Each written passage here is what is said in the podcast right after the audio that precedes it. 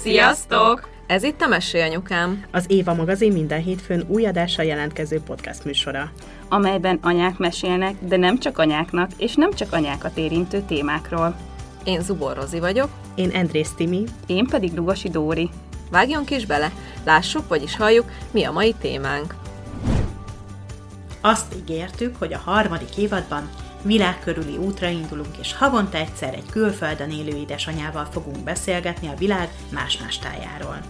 Eddig viszont csupán csak egy édesanyával sikerült beszélgetnünk, a Balin élő Tóth Mesivel.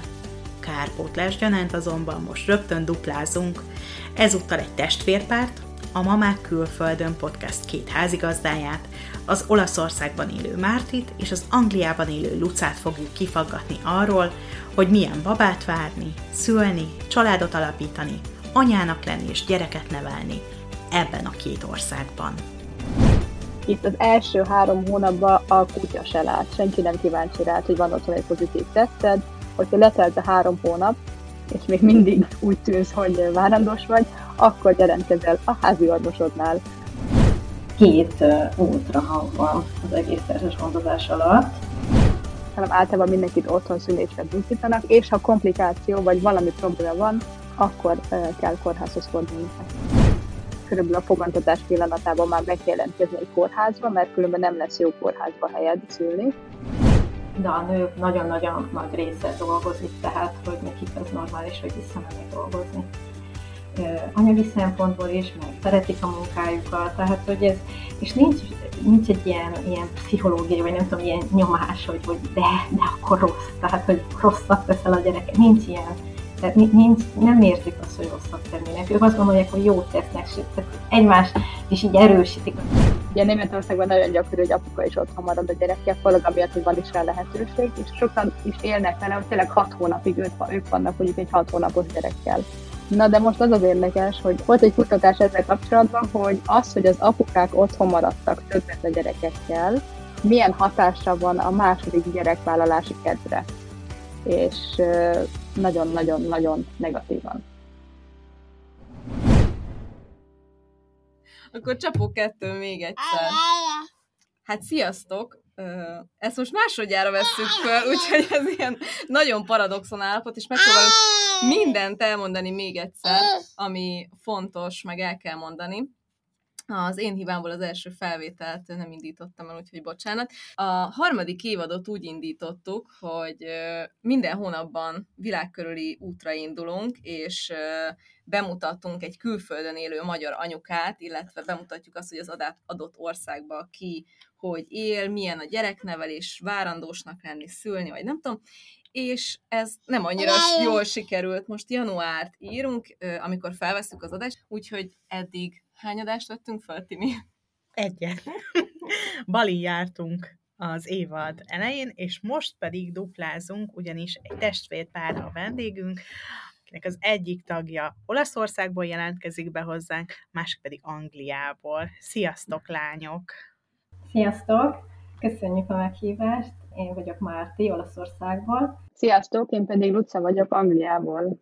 Szerintem kezdjük az egészet egy ilyen rövidebb vagy hosszabb, kinek hogy kényelmes, meg kinek mennyi a mondandója. Meséljétek el, hogy ki mióta él ott, ahol él, és ki hány gyerekkel él ott, ahol él, illetve kinek hány gyerek van a szomszéd szobában, miközben ezt a felvételt rögzítjük. Én építészként tanultam Budapesten, és elnyertem egy ösztöndíj, egy éves ösztöndíjat a Spanyolországba, és ott ismerkedtem meg az olasz párommal, aki most már a férjem. És ez úgy alakult, hogy ő először kiköltözött Magyarországra, mert nekem még le kellett diplomáznom, elkezdett magyarul tanulni, ami nagyon nehezen ment neki, és úgy döntöttünk, hogy akkor Olaszországban költözünk, mert hogy szerintem én majd hamarabb meg fogok tanulni olaszul, ami egyébként így is lett, de én magam se hittem el, hogy igazából kiköltözés után körülbelül fél évvel utána már lettem a középfokú nyelvvizsgát, és ez úgy, hogy tényleg nem tudtam olaszul, csak hát a spanyol az mondjuk segített, és ezt mindenkinek kell mondom, hogy tényleg, hogyha egy egy, egy olyan környezetben éltem, hogy mindenkivel olaszul beszéltem, én, én a párommal is megbeszéltük, még hogyha alig tudok valamit, jó, akkor még belevettünk ilyen spanyol szavakat, meg, meg mindent, de hogy, hogy, hogy nagyon gyorsan megtanultam olaszul, és akkor el is kezdtem dolgozni az építész szakmában, és aztán megérkezett a, az első kisfiunk, mert nekem, nekünk kettő, két fiunk van, három és hat évesek, és hát így előjáróban szerintem ennyit. Én meg akkor átveszem tőled a szót, Márti. Jelenleg Angliában élek, de nekünk is egy kicsit össze-vissza indult, hogy hova utazunk, merre utazunk. Mi is az egyetemen, egyetemről mentünk ki először én Dániába, a akkori barátom, mostani férjem pedig Németországba tanulni, és aztán visszamentünk Magyarországra, ott kicsit dolgoztunk, befejeztük a diplománkat, és jött egy állás lehetőség a férjemnek, és akkor kiköltöztünk Münchenbe. És Münchenbe közel tíz évig éltünk, így már német állampolgárok is lettünk, és közben valahogy azért mindig egy kicsit hazavágytunk, úgyhogy egy időre én, én haza is költöztem Budapestre, egy, ugyancsak egy állás lehetőségnek köszönhetően, és rövid időn belül beláttuk, hogy ez nem nekünk való, és újra mentünk vissza Münchenbe, illetve hát először egy kis kanyarba Berlinbe, de hogy Németországba, és mert a, cég, akinél dolgoztam, az egy nagy multinacionális cég, tanácsadó cég, és így könnyen lehetett mozogni városokon, országokon belül, és Németországban született meg nekünk az első fiunk, ő most jelenleg négy éves, és megint csak egy állás lehetőség miatt a férjem révén költöztünk Angliába, itt most már három éve élünk, és itt született meg a második fiunk, ő most lesz lassan két éves, és most itt élünk. Így. Az előtt, mielőtt megismertétek a férjeiteket, meg így szóba került ez az egész bennetek, mint nőként bennetek volt az, hogy, hogy így hogy láttátok magatokat úgy a jövőben, hogy esetlegesen egy más országban, vagy, vagy ez, ez így a család alapítással, meg a férjekkel jött? Én nagyon kíváncsi természetű vagyok, tehát én nagyon szívesen, tehát én annak is nagyon örültem, hogy kimehettem Spanyolországba, aztán Olaszországba, tehát, hogy igen, tehát azt elmondhatom, hogy azért maradtam itt a párom miatt, tehát ez, ez amúgy visszamentem volna, de, de nagyon szívesen utaztam, és így ez azért így benne volt nekem, hogy nem szeretnék csak Magyarországon lenni, hanem szeretnék világot látni. Én nekem viszont abszolút nem volt a, a, tehát hogy világot látni, igen, de az, hogy külföldön éljek, nem volt nekem a perspektívában, tehát nem, nem, nem, nem, volt, nem volt célom, hogy ez történjen. Azt tudni kell, hogy a családunkban nagyon sokan külföldön élnek, tehát nagybácsi, nagynéné, mint külföldön élt másik országba, tehát hogy ilyen az, hogy international utazunk, meg hogy mindenki, a család egy része itt van, vagy ott van, az így, az így megszokott volt nekünk, és amikor jött ez a lehetőség, hogy menjünk Münchenbe, akkor, akkor viszont nem gondolkoztunk sokat, tehát se én, se a párom, hogy hát miért ne, hát próbáljuk ki, hát most mi történhet. Én egyébként az a vicces, hogy a Márti mondta, hogy ő nem tudott olaszul, amikor Olaszországba ment, én meg nem tudtam németül, és az a poén, hogy én öt évig olaszul tanultam, Márti pedig öt évig németül. Tehát, hogyha pont fordítva csináljuk, akkor pont jó lett volna. Azért az jutott eszembe, hogy így a család biztos idézélesen örülhetett ennek, hogy így mindenfele mentetek. Egyik itt, másik ott. Igen, gondolom egy ilyen karácsonyozás nehezebben összehozható, vagy például, majd utána átérünk az anyaságra is, de engem például ez baromira érdekel, hogy na, ti hogy hoztok össze egy karácsonyt? Kinél van a karácsonyi vacsora? Hát karácsonykor ritkán megyünk haza, ezt el kell mondanom, de, de nyáron mindenképp szeretünk összehozni egy, akár egy kicsit hosszabb időt, tehát mondjuk esetleg egy-két hetet, amikor így együtt haza tudunk menni. Tehát úgy igyekszünk a nyári szünetben, hogy, hogy akkor találkozzunk mi is, és mindenki, és azon kívül még esetleg egyszer-kétszer megyünk haza az évközben, de, de az, az, az nagyon ritkán, hogy akkor mi is össze tudunk találkozni, tehát egyébként a szüleinknek ez egy kicsit ilyen fájó pont, be természetesen van még egy öcsénk, szóval szerencsére az egyik gyerekük otthon maradt. Valaki maradt otthon, igen. Ez, igen, igen, igen. De ők is jönnek látogatni. Szóval ez na- nagyon fontos mindannyiunknak, Lucánknak, meg nekünk is ez a kapcsolattartás abszolút nagyon-nagyon. Igen, tehát, hogy, hogy nem egyszerű. Ennek van ugye előnye, meg hátránya is, mert hogyha ennyien vannak a családban mindenfelé, akkor az azt jelenti, hogy bárhova utazhatsz, mindenhol van szállásod, ugye, tehát ez, ez tök jó, ez egy előny.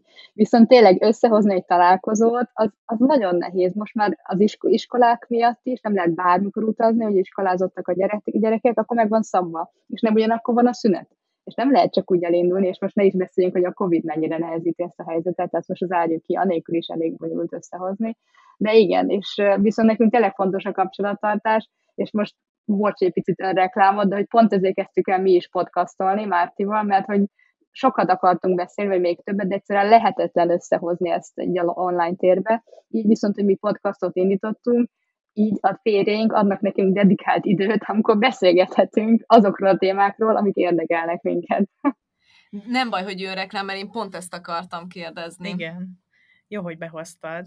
Hogy így szándékosan gyakorlatilag csináltatok magatoknak egy ilyen közös mi időt, ami kicsit ilyen munkaköntösbe is lehet rejteni, és akkor a férjek is elfogadóbbak, nem? De egyébként most az jutott eszembe, hogy mi erről szoktunk többet beszélni, így hárman a lányokkal, hogy így csak úgy, a, nem tudom, a kedvünkért, a jól létünkért azért nem lehet, de hogyha férfi szempontból valami céllal történik, akkor, akkor szabad az út, akkor lehet. Pláne, hogyha utána a bankszámlára utalódik bizonyos összeg, akkor ó, persze, menjél! Dupla adás, nem baj! Nem baj, vigyázzunk, megoldjuk. Ja, csak vacsorázni mentek, és ez fogyasztja a kártyát. Hát akkor sajnos nem érek rá vigyázni a három gyerekre. Igen, ez, ez tényleg így van, hogy egyszerűbb nekünk mondjuk azért még nem hoz a bankszámlára pénzt, de hát feltett szándékunk, hogy egyszerűen elérjünk arra a szintre is, de még, még fiatalok vagyunk, de akkor elmondhatjuk, hogy a Mamák Külföldön podcastot indítottuk, és hogy, és hogy egyébként a férje még azért is támogat, mert ő szerinte mi Mártival nagyon sokat csacsogunk, és az túl hosszú neki, viszont így, hogy én megvágom ezt az adást, és a két órás beszélgetésből lesz egy háromnegyed órás zanzásított szöveg, ezt imádja meghallgatni, mert nem marad le semmiről, de neki ki van vágva az a része, ami csak csicset. Figyelj, lehet nekünk is ezt kellene csinálni, tudod? Fölvesztük itt, és akkor apukám, hallgass meg munkába menet, és akkor nem maradsz a semmiről. De tök jó egyébként. Igen. Nagyon jó. És akkor meséljetek is erről, mert egyébként kíváncsi vagyok, meg mutassuk is be kicsit a hallgatóknak, hogy egyébként ez egy tök jó dolog, amit ti csináltok, mert hogy úgy is jött nekünk is például szóba ez a visszatérő ilyen rovatszerű adás, hogy nagyon sokan írnak nekünk is, hogy Németországból, Angliából hallgatnak minket, és milyen jó, mert hogy magyar nyelvű szöveget hallgatnak, meg egy kicsit képbe vannak, hogy mi van Magyarországgal, és hogy Meséljetek erről, hogy ti hogy építetek föl, meg mi alapján választotok vendéget, meg mikről beszélgettek, tök kíváncsi vagyok rá. Nekünk vannak ö, olyan hallgatóink is, akik, tehát meg vannak célozva azok is, akik mondjuk ki szeretnének költözni külföldre, de talán jelenleg azok vannak többen, ezt mondjuk nem tudom, hogy megerősíteni, de akik már külföldön élnek, és, és nekik is szükségük van egy ilyen kapcsolódásról, nem vagyunk egyedül, vannak olyan problémáink, ami, ami hasonló. Most mindegy, hogy melyik országban élünk, de mondjuk kevesebb a családi segítségünk, meg megismerni egy új országot, ott családot alapítani, tehát egy csomó probléma, ami ezért hasonló. És hát a témáink azok egyelőre változatosak, de, de a család, a kicsit így az önfejlesztés és az életvezetés, tehát is sok több témáról beszélgetünk, és a, a vendégeink pedig szintén, tehát mi, mi igyekszünk minden országból meghívni, hogy, hogy, hogy, hogy akik kíváncsiak. Egyébként sok olyan hallgatónk is van, aki abszolút nem is tervezi, hogy külföldre költözik, csak érdekli, hogy mi van más országban. Tehát ez a kíváncsiság szerintem.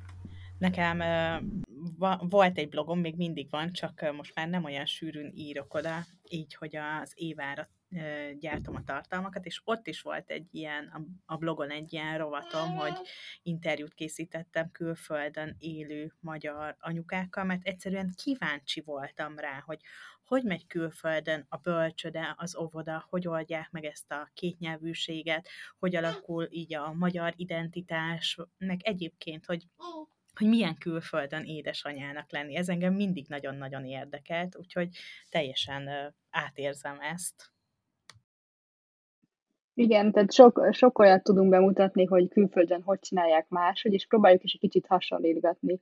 Ugye mi kettőnk révén eleve három országot tudunk bemutatni, mert hogy Olaszország Márti, pedig Németországban több mint tíz évet éltem, és szültem is ott, és el is kezdtem ott az anyasági létet, és itt Angliában is e, ugye szültem egyet, és itt, most itt élünk, úgyhogy igazából rögtön három országot mutatunk be, és a vendégeink volt már Norvég, Svájc, Skócia, Anglia is volt más szempontból, és tervezünk a, most az évelején lesz Japán, lesz amerikai vendégünk is, úgyhogy próbálunk tényleg egy sok országot bemutatni, és sok témát feldolgozni, és ne, mi nem feltétlenül csak az anyaság köré összpontosítunk, tehát mondjuk volt olyan podcastunk is, ahol a, a környezetszennyezésről beszéltünk, vagy hogy mi egyénként hogyan tudjunk, tudunk ezen változtatni. De ide is mindig belecsempésztük az anyasági voltunkat, mert hogy ezt nem tudjuk levetkőzni, hogy mi az, amit ebből át akarunk adni a gyerekeinknek, hogyan neveljük őket, hogy ők is környezettudatosak legyenek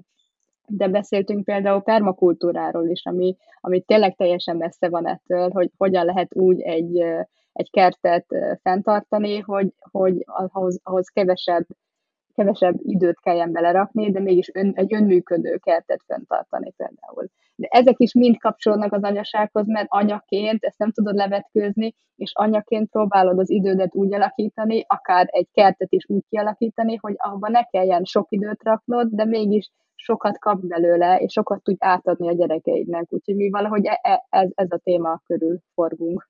És milyen sűrűn hallgathatnak titeket a követők? Hát eddig úgy volt, hogy két hetenként jelentkeztünk, és ezt most sajnos karácsonykor kellett meghoznunk azt a döntést, hogy havonta egy adásra fogunk tudni kijönni, mert egyszerűen nagyon nehéz összehozni. Azt tudni kell, hogy nekem itt a Angliában nincs semmilyen segítség, tehát a család nincs itt, és ketten vagyunk a férjemmel két gyerekkel.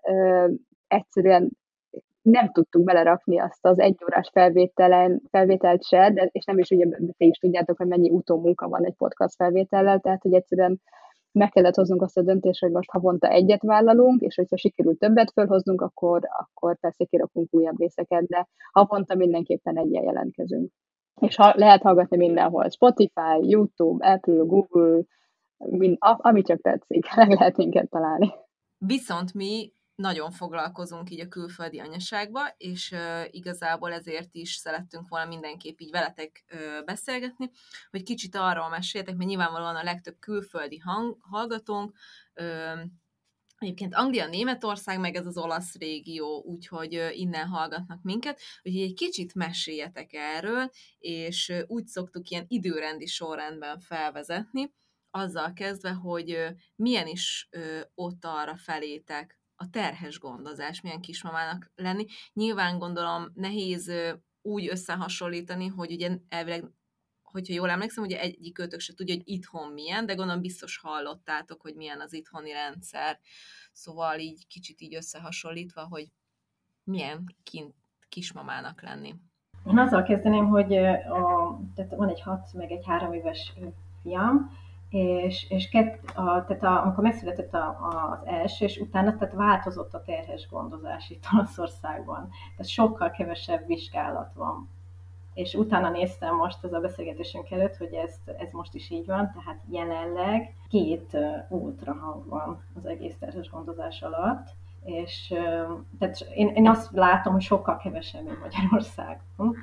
Nincsen kötelező cukorterheléses vizsgálat, az sincsen, és hogyha nincsen semmi komplikáció, akkor igazából egy szülésznő vezeti az egész terhes gondozást.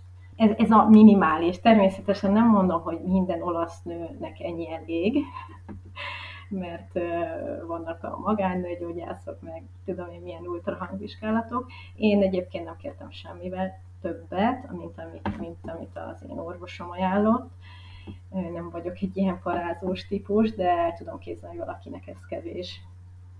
Mm, nekem igazából mind a két terhességem végén volt egy ilyen komplikáció, terhességi kolesztázis. Egyébként tökre érdekes, hogy mind a kettőnknél 37 plusz két napon jött elő ez a viszketés a tenyeremen talpomon. Úgyhogy nekem emiatt a második gyerekemnél is a nőgyógyász vezette a terhes gondozást, de alapból mondom a szülésznő, és nem is látsz orvost hát végig nem is látsz orvost.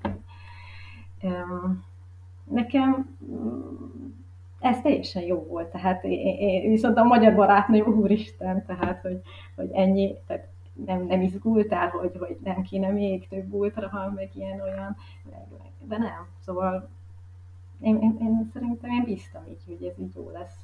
Ez a lazaság valahogy így, szerintem így jellemző is, nem az olasz nőkre, hogy ők ilyen nem, nem görcsölik ezt semmit se, de hogy akkor így arra gondolok, hogy ez se görcsölik így annyira túl, nem? Hát nem csak a nőkre, hanem így maga így a kollektív tudatban, igen. ez a lazaság benne van.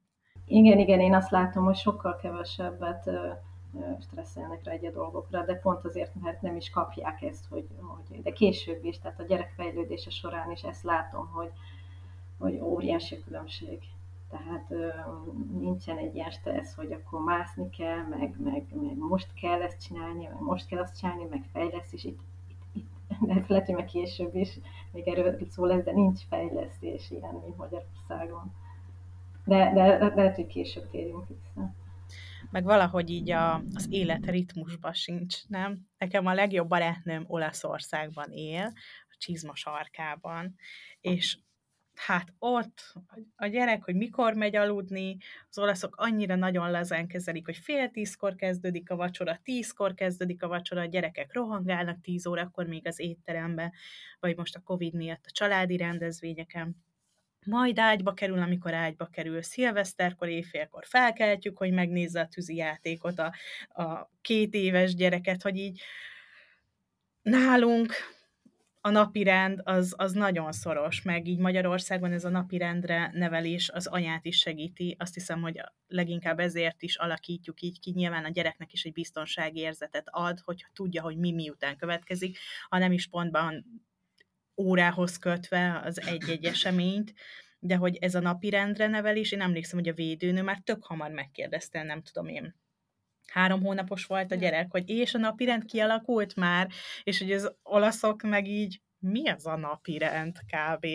Én ezt tapasztalom a barátnőm révén. Igen, mi Észak-Olaszországban élünk, talán nincs ennyire ilyen kiélezett különbség Magyarországhoz képest, de egyetértek én mondjuk így a kettő között vagyok, mert ugye én, én olvasom, a, magyarul is olvasom az internetet, meg van egy ilyen oldala is az én, tehát én két, két irányból ötvözöm a dolgokat, de, de a, a, igen, kevésbé között követik a napirendet, és később mennek aludni, és nem baj, nem fontos, tehát ilyen azt néz, látjuk, mondjuk ezt a férjem is meglepődik, hogy ez ilyen értekezlet, ami most ugye sokszor online van, mondjuk tanárral, logónővel, és ott van a gyerek, és még este 9, 7, 10, és ott van a gyerek hátul, és köszönöm, mi gyerekeink már alszanak, és ő teljesen normális, és nem tudom, holnap, másnap 8-kor kezdődik az iskola, hétvégén meg bepótolják, szóval nem baj. Na és Luca ezzel szembe Németországba, illetve Angliába? A ritmus.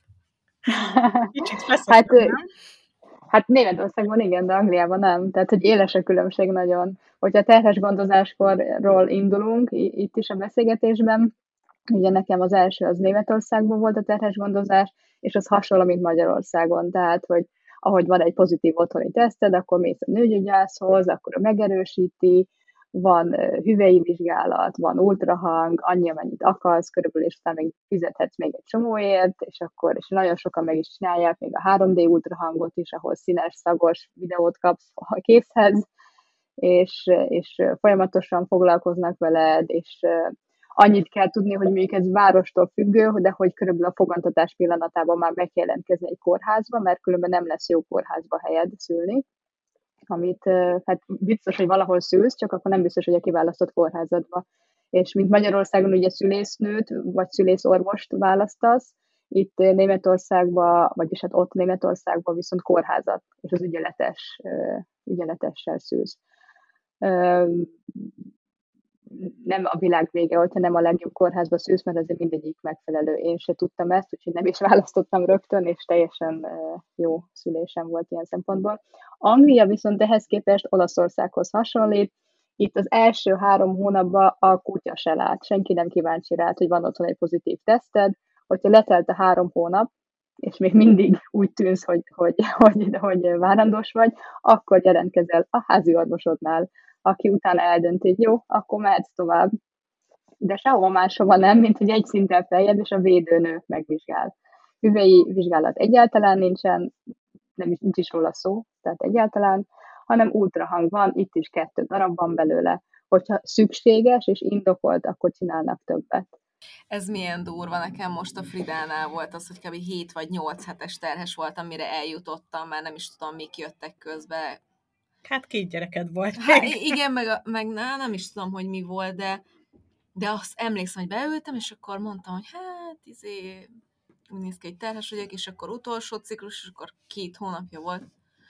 Hú, hát utolsó napok, meg éppen határeset, ezt mondta, hogy határeset, mibe határeset, még négy hét van, mire biztos letelik a 90 nap, szóval tök durva, és ez úgy tűnik, hogy más országokban jól működik. Nagyon durva. Igen, itt, itt ezt nem reagálják túl, és így igazából, hogyha egy teljesen természetes és komplikációmentes várandóságod van és szülésed van, akkor orvost az elejétől végig egyszer sem látsz, tehát védőnő vezeti le a szülést is, csak akkor hív be orvost, hogyha, hogyha komplikáció lép fel. És egy picit előreugolva, itt nagyon gyakori az otthonszülés. Tehát az teljesen normális, ez nem külön kérdés, hanem általában mindenkit otthon szülésre buzdítanak, és ha komplikáció vagy valami probléma van, akkor kell kórházhoz fordulni. Ez Anglia. Azt szeretném hozzátenni, hogy nem biztos, hogy ez védőnő, hanem szülésznő, csak hogy ne keverjük a dolgokat. Nem szülésznő Angliában? Ez, elég, ezek a fogalmak elég furcsak, hogy a védőnő elvileg csak Magyarországon létezik, ez a fogalom. Itt szülésznő van. És Mm, jó kérdés, ebben mindig belefutunk már többször Igen. is a saját beszélgetésünkbe. Hebama németül, de az magyarul az a védőnőt hívják. Így uh-huh. angolul pedig um, hát jó kérdés. De akkor ő lényegében a szülés körüli dolgoknál segít. Tehát utána a baba ápolási időszakban, amikor meg kint van a baba megszületett, akkor már ő nincs. Németországban hát, sokáig járnak még ki, nem? Igen. Az a... Igen, a... tehát a Németországban ugyanúgy, ugyanaz a Hebama, aki most akkor Hebamának hívom, mert akkor ez a hivatalos, tehát hogy ez akkor szülésznő, vagy védőnő, vagy ilyesmi. Ő az, e, a, a, amikor várandós vagy, akkor keresel egyet magadnak, és ő végig kísér a várandóság alatt. A szüléskor nincs jelen, de utána ő jön vissza hozzád a házhoz, megnézni, hogy minden rendben van-e.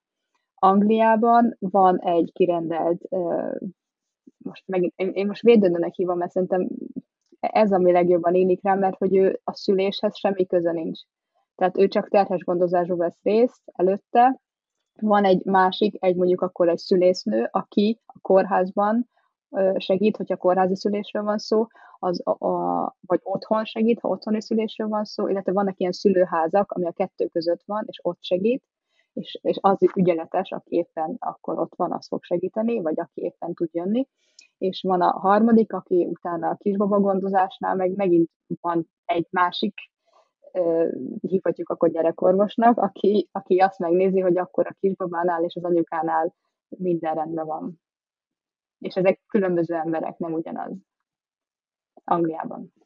Na és akkor arról meséljetek így magáról a szülésről, hogy ugye itt Magyarországon kicsit van egy ilyen, úgy érzem, hogy, hogy olyan, olyan kicsit ilyen rettegés van, meg olyan, olyan, olyan hát nem, nem biztos, hogy ez a jó szó rá, de hogy olyan, olyan arra nagyon rákészülünk, ugye itt, hogy, hogy választott orvos, meg szülésznőnk van, meg melyik kórházba szülünk, meg nem tudom, szóval olyan nagyon-nagyon központi ö, dolog. Nálatok mennyire fontos téma ez, vagy, vagy kicsit ilyen ösztönösebben, vagy úgy, úgy nem, nem, nem görcsölnek rá annyira a nők? Itt sokkal egyszerűbb Olaszországban ez a történet, mivel a, a nőgyógyászod sose szülészorvos. Tehát a szülészorvos az mindig a, az ügyeletes orvos a kórházban. Tehát ezt, ezen akkor senki nem kattog, mert ezt nem lehet kiválasztani a kórház távol az adott, a legközelebbi kórház. Tehát én nem hallottam egyik olasz nőt se, hogy ezen, ezen filózna, hogy akkor most akkor melyik kórház, vagy meg. Tehát ez, ez, ez egy egyszerű szerintem, ez nincsen stressz, ez, ez a része. És, és ez jó. Én számomra, meg amit hallottam, ez jól működik. nem éreztem annak hiányát, hogy azt a szülész orvost nem ismertem előtte. Én személy szerint ilyen, nekem ilyen érzésem nem volt. Azt el kell mondanom, hogy nekem két különböző szülés történetem volt, mert az első császár metszéssel történt, mert faros volt, amellett, hogy volt ez a kolesztázis, ez a, ez a terhességi epipangásom, farfekvéses volt, úgyhogy császáros lett, és utána viszont egy természetes, egy hüvei szülés volt a második, tehát így, így mindenféle tapasztalatom volt, de mind a kettő kórházban. És jó élmény, a második jó élmény. Az első nem annyira, mert az sürgősségi császár volt, nem tudtuk, hogy farfekvéses. Tehát jó, ez lehet, hogy akkor a kevesebb vizsgálatokat, nem tudom, az ott derült ki valahogy, most nem akarok a részletekbe belemenni, az nekem nagyon sokkoló volt de, de ott is egyébként egy ilyen jó közeg, tehát hogy ilyen jó volt a kórházban, ezt mondom. Tehát emlékszem még a, a műtét után is a, a, az orvos megjegyezte, hú, hát itt nem kellett sok zsírt vágni, hogy ez milyen könnyű volt. Tehát így egy kis poénkodás, és így, ez így jó, jó esik. A másodiknál meg nagyon-nagyon gratuláltak. Emlékszem a végén nagyon drukkoltak, itt úgy éreztem, hogy egy stadionban lennék, hogy á, meg tudod csinálni, és a végén meg, hogy wow, hogy, hogy a császár után bevállaltam, és hogy látszik, hogy nagyon nagyon akartam ezt, és, és, és tényleg egy, nekem jó emlék. Ez tök jó hallani, mm-hmm. hogy ilyen van, ez, hogy így szurkoltak, ez tök király. A barátnőm is ezt mesélte egyébként. Tényleg? De jó, nagyon jó. Nekem is ugye két különböző szülésélményem van, egyrészt két ország, az is különbözik, meg nekem mind a kettő természetes volt, az egyik az kórházban, kicsit bonyolultabban, és maga a szülés élmény nem volt jó élmény, de utána, hát ugye amikor, amikor a kisbabát rádrakják, akkor hirtelen elszáll minden probléma, és onnantól fogva, hogy annyira volt az egész. A második élményem volt érdekesebb, mert nekem van egy alapbetegségem, ami miatt nem engedtek volna otthon szülni, úgyhogy ez nekem nem jött szóba, nekem kórházi szülés volt előírva, illetve hát a szülőszobát kiharcoltam, hogy ne kelljen kórházba, mert az nekem szimpatikusabb volt, és talán azért, mert hogy már volt egy szülésem, és jobban fölkészítettem a testemet magára a szülésem, az elsőből tanultam, és nem paráztam túl, annyira gyorsan jött a második baba, hogy nem értünk be a kórházba. Tehát ez a tipikus filmes eset volt, hogy... Autóban, vagy? Nem, még otthon, hál' Isten. Tehát, hogy el se indultunk. Tehát, hogy az egész lezajlott két óra alatt, úgy szakumpak tehát az első jeltől a, addig, hogy, hogy, hogy már ülök a kanapén. Tehát így nagyon gyorsan lezajlott, és, és hát baromi jó élmény. Tehát, hogy, hogy én nem, ugye nem terveztem otthonszülés az előbb említett ok miatt, de ezek után én azt mondom, hogy, hogy mindenkinek otthon kéne szülni, egyszerűen annyira más élmény, hogy ez hihetetlen. És Luca, akkor nem volt segítséged a szülésnél? Csak te és a férjed? Hát konkrétan a férjem kapta el, igen.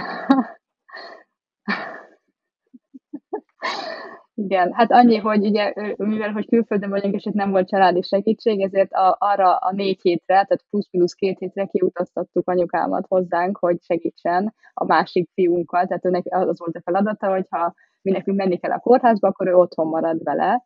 Hát most annyi volt a feladata, hogy, hogy, hogy ébresztettük, hogy hogy, hogy akkor most ébredj, a fiunk még, a fiunk még aludta, nagyobb fiunk a szobában, úgyhogy nagyon kis lakásban voltunk, és a fürdőszoba konkrétan a, a hálószoba mellett volt, tehát ő végig. A, anyukámat ébresztettük, hogy uh, akkor ébredj, és akkor meg félálomba jött, hogy jó, akkor pakoltok, meg van, mind indultunk, és akkor épp, hogy csak kinyitotta a szemét, és csak azt hallotta, hogy, hogy kiabálok a férjemnek, hogy gyere Gergő, jön a baba, jön a baba, kapd el, most, most, most, és akkor Gergőnek a férjemnek utasítottam, hogy akkor hogy nyúljon, nyúljon alám és kapja el, mert hogy a kádban ültem, vagy hát térdeltem, térdelő pozícióban voltam, és akkor alá nyúlt, elkapta a babát, leültem, ölembe adta, és, és gyönyörű volt az egész. Annyi, hogy, a, hogy hogyha az angol rendszert nézzük, ugye, tehát hogy ők annyiba segítettek, hogy amikor ugye elkezdődött, elkezdődött az első fájdalmak, akkor mindjárt mi is jeleztük a kórháznak, hogy akkor nem sokára érkezünk, és akkor mondták, hogy jó, majd négy óra múlva hívjuk vissza őket. Ez kicsit nekem soknak tűnt második babához, de hát jó, mindegy, hát majd jelentkezünk, hogyha majd komolyabbra fordul. És akkor nagyon gyorsan fölgyorsultak az események, és akkor mondtam talán egy órával később Gergelynek, hogy szerintem most már hívni kéne, a kórházat újra, és akkor hívtuk, és mondták, hogy jó, hát akkor kezdjünk el készülődni. És leraktuk a telefont, és akkor gondolkoztuk, hogy mi legyen. Én, én közben elindultam a végcére, mert úgy éreztem, hogy itt valami történik, tehát a főtőszobába bementem, és akkor mondtam Gerőnek, hogy nem megyünk sehova. Tehát ez, ez most fog megszületni pár percen belül. Uh, lehet, hogy már az órákat rosszul mondom, tehát összesen azért volt két óra az egész, és újra hívtuk a kórházat, hogy akkor most nem megyünk sehova. Azt mondták, hogy jó, akkor rakjuk le, és hívjuk a mentőket. És akkor én már, én már kiabáltam neki a telefon, hogy nem hívjuk a mentőket, mert konkrétan most jön a baba és akkor lerakta csak Gergő a telefont, tehát vonalba maradtak, és akkor ők fölgyézték, amikor fölsírt a baba, megkérdezték, hogy, hogy minden rendben van-e, mondtuk, hogy igen, mondták, hogy ők hívták a, a sürgősségi mentők, ők tényleg ott voltak 5 perc alatt, bejöttek, rám néztek, babára néztek, hozzánk se nyúltak egyébként, megkérdezték, hogy minden rendben, mondtuk, hogy igen, mert ők, csak a, ők nem mentősök, vagy nem szülés, szülő segítő orvosok voltak, ők csak a sürgősségig, és akkor 15 perccel később megérkezett az, aki, az, aki ebben kompetens volt, ők is ránk nézett, ők segítettek akkor köldögzsinór elvágás, ugyanúgy elvághatta Gergő, tehát, hogy, és még viccelődtek is neki, hogy na most már csak 39 szülés, szülés és beállhatsz közénk. Ezek szerint 40 szülés kell, hogy, hogy valaki ilyen szülő, szülésmentős legyen. És akkor kicsivel később megérkezett a, a szülés segítő védőnő, most akkor így fogalmazok, és akkor ő megvárta, amíg, amíg nálam tényleg minden letisztult. De addigra én már a placentát és én mindent megszültem, tehát én mindenen túl voltam, de ő segített akkor kimászni a kádból, felöltöztem, leültem a kanapéra, és a leggyönyörűbb pillanat az egészben az volt, amikor mindenki elment, mi befeküdtünk az ágyba a nagyobb fiam mellé, és pár órával később az újszülött fiam elkezdett úgy nyomogni, ugye, ahogy hogy, hogy keresi a keresi, már hogy rajtam volt, de hogy, hogy elkezdett nyomogni, és akkor a, a nagyobbik fiam fölébredt, hogy ez kicsoda. És akkor össz, összetalálkoztak, és ez egy olyan gyönyörű pillanat, hogy ezt, ezt, ezt most is megkönnyezem körülbelül. Hát én is megkönnyezem. Jaj, Istenem. Nagyon gyönyörű volt. Igen. Tehát, igen, ez tényleg az volt. Az jutott Úgyhogy, eszembe, hogy, hogy és erre mindannyian képesek lennénk. Igen, igen. És, ez, és ezt, ezt akarom kiemelni, és tudom, hogy Magyarországon nagyon nehéz ez az otthonszülés téma, de az a történés, mert össze tudom hasonlítani a kettőt, és nem készültem rá az otthonszülésre. De hogyha én most ott elindulok a kórházba, akár mondjuk fél órával előttem, úgy ítélem meg, hogy most, és ugye akkor beszólítanak, és mennem kell, az a kórházi út alatt nekem visszafordult volna ez a természetes szülés. Teljesen biztos vagyok benne, hogy, hogy, hogy bezárkózok, tehát mint egy, egy állati ösztön, ugye, hogy akkor ez most nem szülésre alkalmas helyzet, visszafordul az egész, biztos, hogy a, a, a minden abba maradt volna, sőt, még visszahút, tehát visszafelé ment volna, és ez az egész nem lett volna ilyen természetes és gyönyörű. Tehát, hogy valahol ez, ez, ez tetszik az angol rendszerben, hogy ők ezt erősítik, hogy, hogy szülj otthoni környezetbe, megteremtik neked, megnézik, hogy minden rendben van-e, még kádat is lehet bérelni, szülőkádat, meg minden. Tehát, hogy, hogy, hogy ez tényleg, tehát, hogy, hogy, hogy ennek van egy szépsége, és van egy előnye. És nyilván, hogyha komplikáció van, akkor ők erre föl vannak készülve. Tehát, hogy ez, akkor, akkor ki tud jönni bárki segíteni, ha, és előre megnézik, hogy van, lesz-e valószínűleg várható komplikáció, mert akkor nem támogatják az otthonszülést, mint hogy nálam ez volt, de hogy végül is szerencsésen alakult minden és akkor utána nem is kellett bemenni, hogy megvizsgáljanak, nem volt semmilyen ambuláns ellátás. Nem, annyi, hogy, hogy most praktikusan a lényeg annyi volt, hogy a védőnőnek annyit kellett megválni, hogy tudok pisilni. Ha tudtam pisilni, attól fogva, akkor köszönöm szépen, itt a munkámat elvégeztem. Hazamentek, és másnap annyit kértek, hogy a gyereket vigyük be az ilyen szokásos vizsgálatokra, de az, az, egy, az egy öt perces kórházi vizit volt, és akkor realizáltam, hogy úristen, hogy nem jó, hogy, de jó, hogy nem itt szültem, mert egyébként nem nézhettem meg előre a kórházat, azt nem engedik meg, csak hogyha éppen úgy jön ki, hogy teljesen üres, és akkor vagy ott, és akkor körmutatnak, de hát ez nagyon ritka. Úgyhogy nem tudtam, hogy hol szültem volna, csak akkor láttam, és úgy utólag hát nagyon örülök, hogy nem ott szültem, és hogy csak öt percet töltöttem ott, azért azt hozzá kell tenni. És ez annyira durva, mert most pont egy idősebb rokonnal beszélgettem, hát úgy idősebb, hogy 80 év körül, és akkor mondta, hogy hát ez csak most a jelenkorunknak az ilyen nagy dolga ez az otthonszülés. Azt mondja, Rózsikám, akkor Rózsikámnak, igen.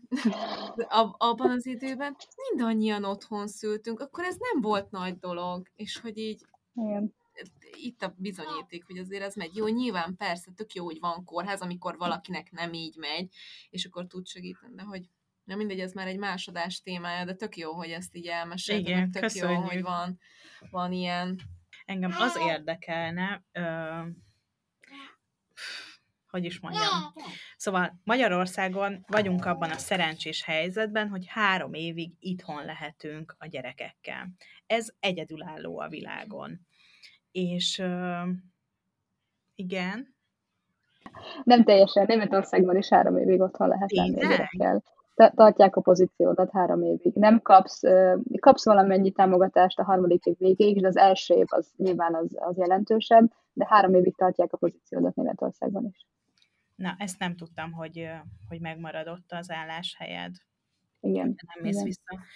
Szóval, hogy sokkal hamarabb kell visszamennetek dolgozni, akármelyik másik országot nézzük, és engem a lelki oldala érdekelne ennek, hogy, hogy mit élnek át az olasz nők, nyilván ez nekik természetes, de mégis milyen leválási folyamaton mennek keresztül, vagy a németek, vagy az angolok. Itt általában 9 hónapig maradnak otthon a gyerekükkel, ez, a, ez, a, ez az általános, és, és, és én nem tartozom a 9 hónapos általános kategóriába, valószínűleg mert magyar vagyok, vagy nem tudom, de én nem, én nem akartam visszamenni dolgozni.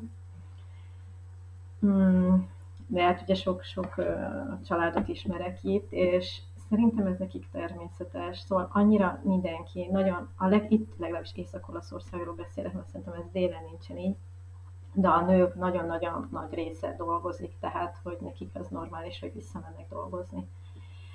Anyagi szempontból is, meg szeretik a munkájukat, tehát hogy ez, és nincs, nincs egy ilyen, ilyen pszichológiai, vagy nem tudom, ilyen nyomás, hogy, hogy de, de akkor rossz, tehát hogy rosszat teszel a gyereke, nincs ilyen, tehát nincs, nem érzik azt, hogy rosszat tennének. Ők azt gondolják, hogy jót tesznek, tehát egymást is így erősítik, mert azért van néhány olyan olasz mama, aki az jó, hát azért nehéz ott hagynom, az bölcsiben, az jó lenne még vele lenni, és akkor de hát, de hát jót teszel, mert hát tudod, hogy a bölcs, hát a sokkal jobb, hát ott, ott történik minden, hát ott fog majd jól fejlődni, tehát így, így ez van így a köztudatban.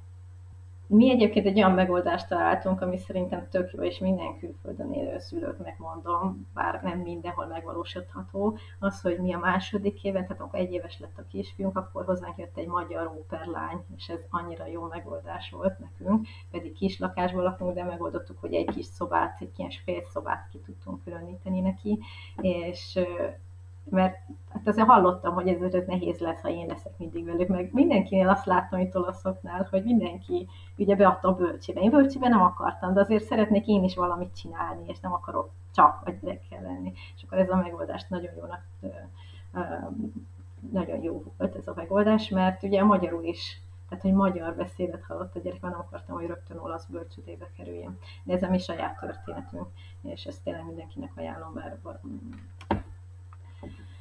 sokkal olcsóbb, mint egy babysitter. Itt egyébként vannak olyan kivételes esetek, ez a kisebb, kisebb, akik nem viszik bölcsibe, hanem nagyszülők vigyáznak rájuk. Tehát azért ilyen is van, hogy, hogy egy éves kortól mondjuk, vagy kilenc hónapos kortól a nagyszülőkkel vannak a gyerekek.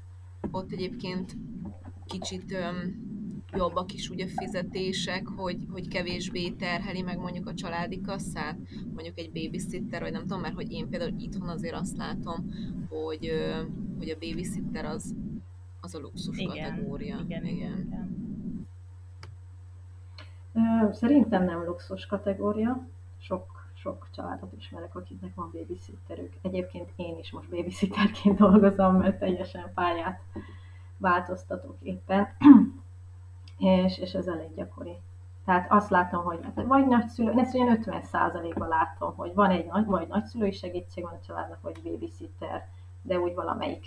Tehát ahol nincs nagyszülő, akkor ott van babysitter, és ezért sok helyen idősek itt a nagyszülők, mert nagyon későn ö, ö, vállalkoznak gyerekvállalásra, sokszor 40 fölött, nekem ez nagyon durva volt, amikor mentem a szülés felkészítő tanfolyamra, és hát tehát tényleg ez a 40 fölöttiek, ez nagyon sok. Főleg a papák, nekem akkor volt ilyen papás alkalom, és hogy úristen, tehát hogy őszek, tehát hogy a papáknak a fele már őszhajú volt. Szóval, hogy ezen ugye nincs mindenhol nagyszülő, és akkor babysitter, meg tudják oldani két fizetésből. Igen. De hát ebben szerintem beletartozik az, hogy későn vállalnak gyereket, az olasz családoknál elég gyakori, sokáig otthon élnek, tehát spórolnak előre, későn vállalnak, tehát addigra már van rá keret, szerintem ez számít. I- igen, ez is igaz. Igen, addigra már azért megvan ugye az alap egzisztenciás, van már lakásuk, meg, meg igen. Kocsi, minden családban két kocsi, ez az alap.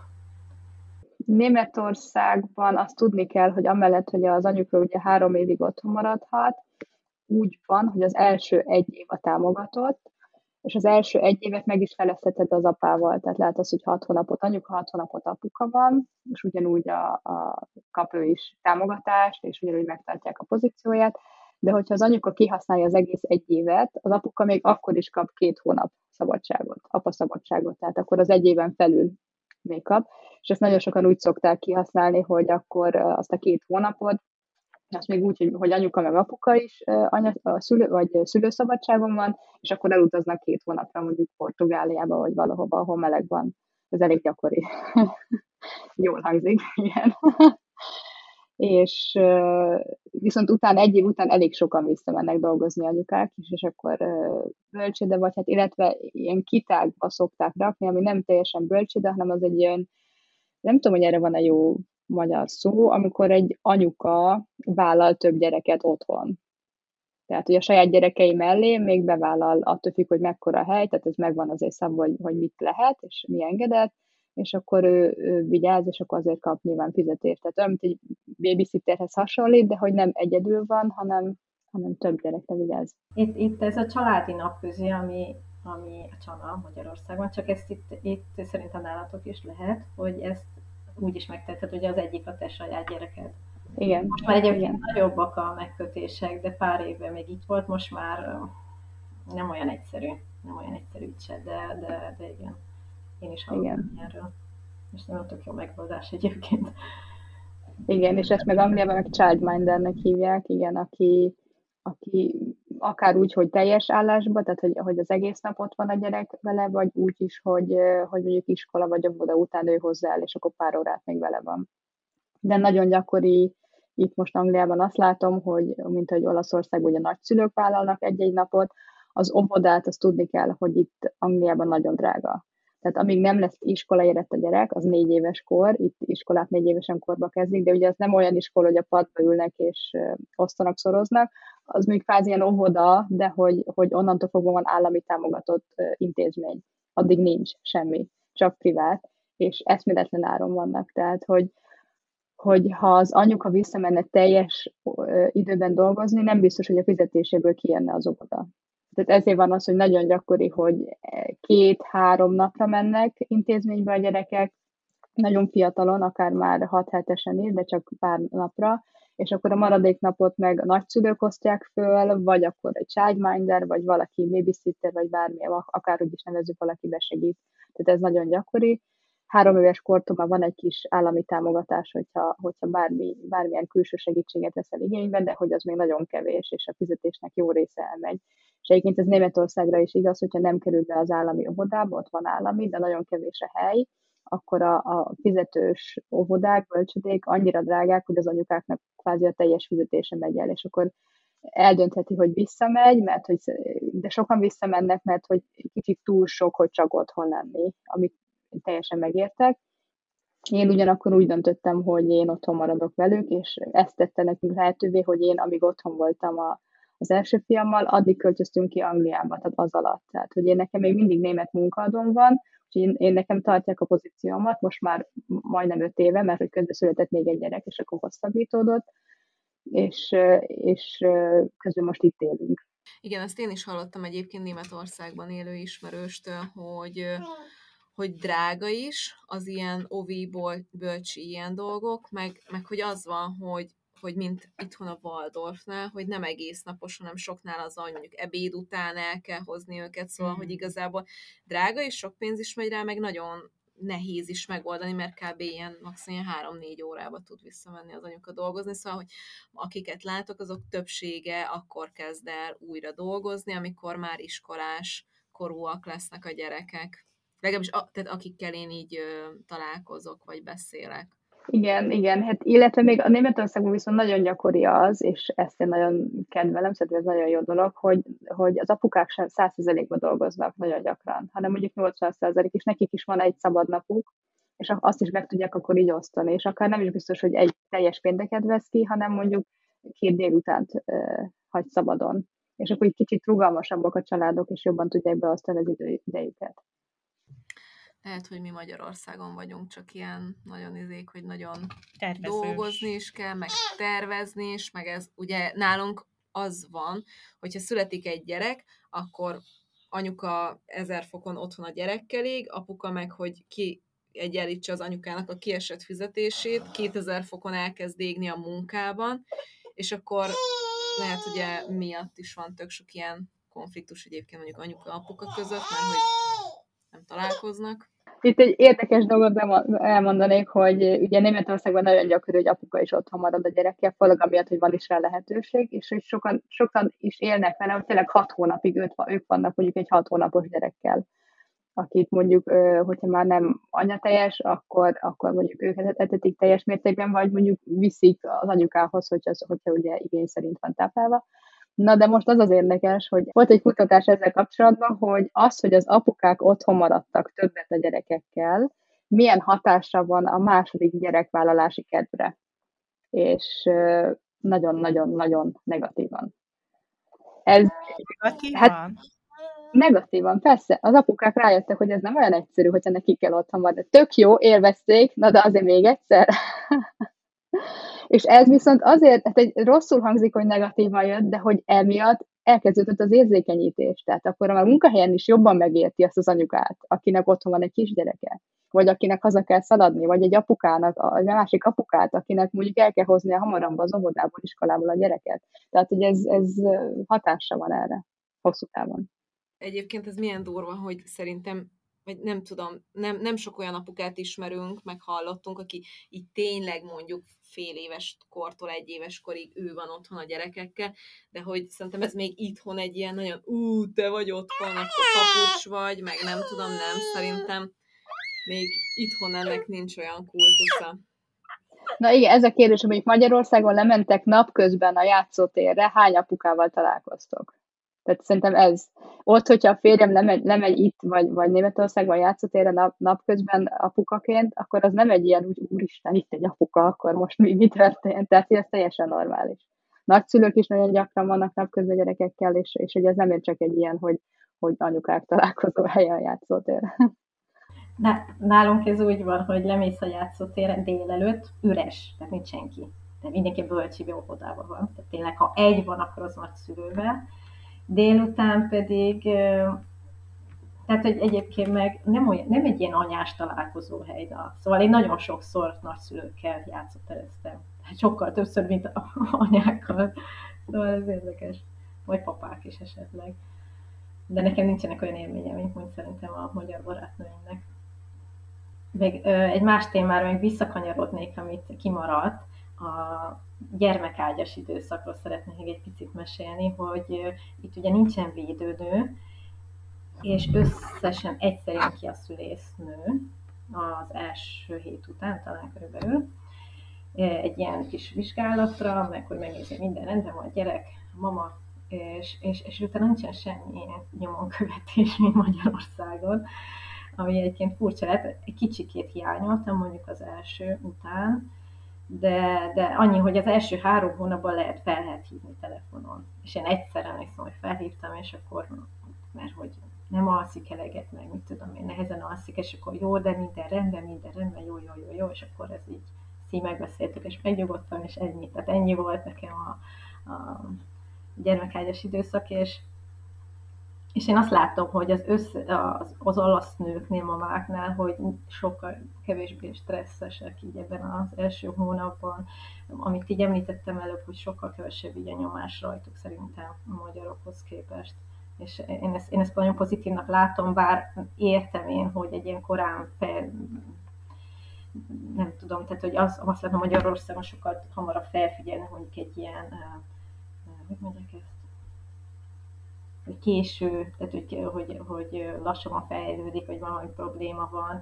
Itt, itt, itt, valahogy ezzel nem nagyon foglalkoznak, de nem is nagyon látok, tehát nagyon ritka. És nem tudom, hogy az köze van, mert nem tudom, hogy ez Magyarország iskolákban hogy van, de itt az iskolákban, ha, ha mondjuk ha a gyereked hiperaktív, vagy Aspergeres, vagy autista, akkor a, ahhoz jár egy külön tanár, tehát hogy az osztályban kötelező felvenni nem tudom hány ilyen gyereket, és akkor egyel több tanár van ott az osztályban. Nem tudom, Magyarországon ez így van. Tehát, hogy nem egy ilyen nagy probléma, ha mégis esetleg előfordulna. Hát, Magyarországon nincsen külön nevelő a különleges bánásmódot igénylő gyerekekhez. Talán most már azért kezdünk nyitni ebbe az irányba, hogy, hogy elkezdenek mondjuk én óvodáról tudok beszélni, mert nekem öt éves a nagyobbik gyerekem, hogy az, hogy ilyen integrált intézménybe jár, járnak a gyerekek, ez most már egyre elterjedtebb. Szóval azt hiszem, hogy ez valamilyen presztízs, nem? Az óvodának, hogy, hogy kitűzheti, hogy integrált óvodák vagyunk, de hogy, hogy plusz nevelőt felvennének, hát nyilván a jogszabályban meghatározottak szerint kell nevelőket alkalmazni, de nem úgy, hogy egy gyerek plusz egy nevelő, az biztos. Itt Angliában egyébként ugyanúgy az állami intézményekben nyilván nehéz bekerülni, jó, jó intézménybe bekerülni, és a, a, a, úgy tudsz bekerülni, hogy nagyon közel vagy az intézményhez, ment, hogy földrajzilag, és viszont el, előnyt élveznek a különleges igényű gyerekek, tehát ők, ők kerülnek be elsősorban, és utána a, a többiek, és nem egyszer van olyan, hogyha valaki nagyon különleges igényt, igényű, akkor van egy nem mondom, hogy egy az egybe kirendelt tanár, aki csak vele foglalkozik, de hogy sokkal több dedikált időt szán vele. És itt egyébként minden osztály, ahogy mennek fel az osztály, mindig új tanárok jönnek. Tehát nem a tanárok mennek az osztályjal, hanem a, a diákok váltják az osztályt és a tanárokat is, de ilyen esetben előfordul, hogy például egy tanár megy két-három évig azzal a gyerekkel, mert hogy ő annyira speciális igényű, hogy, ne, hogy egy valaki ezt tudott kapcsolódni, akkor ezt nem szakítják meg, és akkor ez viszik tovább. És ez egy állami intézményről beszélünk, tehát nem a privát iskolákról. Ez itt Angliában előfordul. Lehet ilyen kérdést feltenni, hogy hogy érzitek, hogy könnyebb kicsit anyukának vagy szülőnek lenni ott, ahol ti éltek a magyarországi viszonyokhoz képest? Hát nehéz kérdés, mert ugye ez egyénfüggő is. Most, ha az én helyzetemet nézzük, nekünk itt nincs senki, nincs nagyszülő, nincs testvér, nincs nagybácsi, nincs nagynéni, senki. Tehát magunkra vagyunk hagyva, hogyha itt most valamelyikünk beteg, akkor a másikunk az full állásba csinál mindent. Tehát ilyen szempontból egy külföldön lévő lét az mindig nehezebb, hogyha nincs helyi segítség. Tehát e, e, ez nehezített körülményekbe indulsz. Persze előfordulhat Magyarországon is, hogy a ország másik felében vannak a nagyszülők, és akkor körülbelül ugyanez a helyzet, csak mondjuk azért ők akkor is be tudnak ülni egy autóba legtöbb esetben, és pár óra alatt ott vannak. Most nekünk itt a Covid alatt konkrétan el voltunk zárva, tehát hogy mi azon izgultunk, hogy nehogy valami történjen, mert akkor most így hirtelen, tehát hogy hogy, hogy akkor nincs senki, aki beugorjon, nincs fizetett segítségünk, nincs senki. Barátokat lehet megkérni, de, de egy Covid helyzetben egy barátot se kérsz meg, hogy jöjjön segíteni neked, még egy, egy családtagnál lehet, hogy egy, egy fiatalabb családtagnál meg tudod ezt valahogy oldani. Tehát ez, ez, ez, ezzel számolni kell. És én azt gondolom, hogy minden országnak vannak előnyei, meg hátrányai, és nem mondanám, hogy egyértelműen könnyebb, vagy jobb, vagy, vagy élthetőbb egy ország, se Anglia, se Németországban, nem mondom, úgy fogalmaznék, hogy Németország szerintem nagyon családbarát, abszolút, tehát, hogy könnyű családként funkcionálni, mondjuk így. Angliába kevésbé. Tehát itt ezt nem mondanám erre nagyon Angliára, hogy nagyon családbarát. Más. Inkább azt mondanám, hogy más, mint Magyarországon. De nem értem Magyarországon anyukaként, én is csak ugye a barátaimtól hallom, hogy nekik milyen otthon. Azt mondanám, hogy más. Márti, te? Mit gondolsz? Mi azért nem vagyok olyan nehezített helyzetben, mint ti, mert nekem a férjem szülei heti rendszerességgel segítenek, tehát ez a része megvan. Úgyhogy mondhatni, mint, mint egy olasz mama, tehát annyi segítségem van szerintem. Nehéz válaszolni, mivel nem voltam szülő Magyarországon. Igazából, amit elmondtam, tehát az a része, hogy szerintem ilyen lelki teher kevesebb van, kevesebb ilyen beszólás, vagy meg, meg ez a fajta, ez nincsen. Viszont az iskolarendszer az így se tökéletes. Tehát azt megmondanom, hogy nekem nagyon sok problémám van vele, és mi Waldorfosok vagyunk, aztán most találtunk egy állami Montessori iskolát, ami fú, hát nagyon jó, már azért, hogy ilyen alternatív és állami, de ez, ez egy ilyen kivételes, tehát hogy ez nem egy általános dolog. Az állami iskola, most csak mondok egy valamit, van, hogy évente változnak a tanárok, és számomra ez úr is, tehát hogy ez, ez, ez, ez nagyon nem tartom jó dolognak. Mm. Egyébként szerintem azért hasonló, tehát, hogy pont az, hogy hamarabb visszamennek dolgozni, és ettől szerintem így nyugodtabbak a, a nők, hogy dolgoznak, és nekem néha én magam belül azt gondolom, hogy néha kicsit sokat dolgoznak, és esetleg lehetnének egy picit többet a gyerekükkel, de ők nem gondolják ezt, tehát hogy ők nem érzik, hogy, hogy valami, nincs ilyen lelkismert fordulások, én ezt látom. Ugye pont ezt Márti, ezt mondtad korábban, hogy pont azért érzik jól magukat, mert nincs az a lelki nyomás, a teher, hogyha te visszamész dolgozni, akkor már bocsánat a szóért, de hogy szaranya vagy. Ami Magyarországon nagyon gyakran előfordul, hogy, hogy ott hagyod a gyerekedet ilyen piciként, és te inkább a karriert választod, ez egy negatív, van értelmezett dolog. Míg Olaszországban ugye ez nem, tehát ez egy teljesen elfogadott, és hát miért ne? Hát most a gyerekeiddel is foglalkozol közben, a karrieredet is építed, pénzt is hozol haza, és ez, ez nem negatív nincs rajta negatív Abszolút, nyomás. Abszolút, nincsen ilyen negatív nyomás. Én meg az, hogy otthon voltam velük, én meg szinte úgy fel vagyok emelve, hogy wow, hogy csinálod, egy, hát gyerekekkel otthon, hát ugye elmegyek dolgozni, ez a legegyszerűbb. Tehát ez a része, tehát inkább ez a lelki része. A, a praktikus része, azt nem mondanám, hogy egyszerű, az hasonló. Hát sok mindent hozhatnánk át tőletek. Mind a három országból kicsit lehetne szemezgetni. Igen, lehetne egy jó kis mixet csinálni, egyensúlyt megtalálni.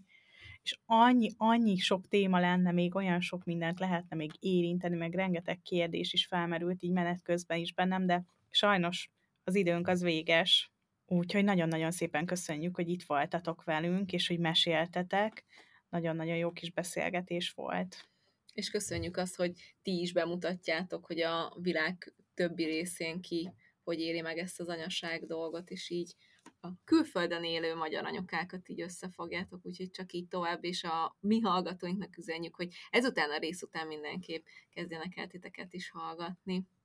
Úgyhogy nagyon szépen köszönjük, hogy itt voltatok. Köszönjük szépen a meghívást, és mi is jól éreztük magunkat, jó beszélgetés volt, és ahogy említetted, ezeket a témákat bővebben is érintjük a Mamák Külföldön podcaston, úgyhogy várunk minden kedves hallgatót, de hallgassátok ezt is tovább. Köszönjük, sziasztok! Köszönjük, sziasztok! sziasztok.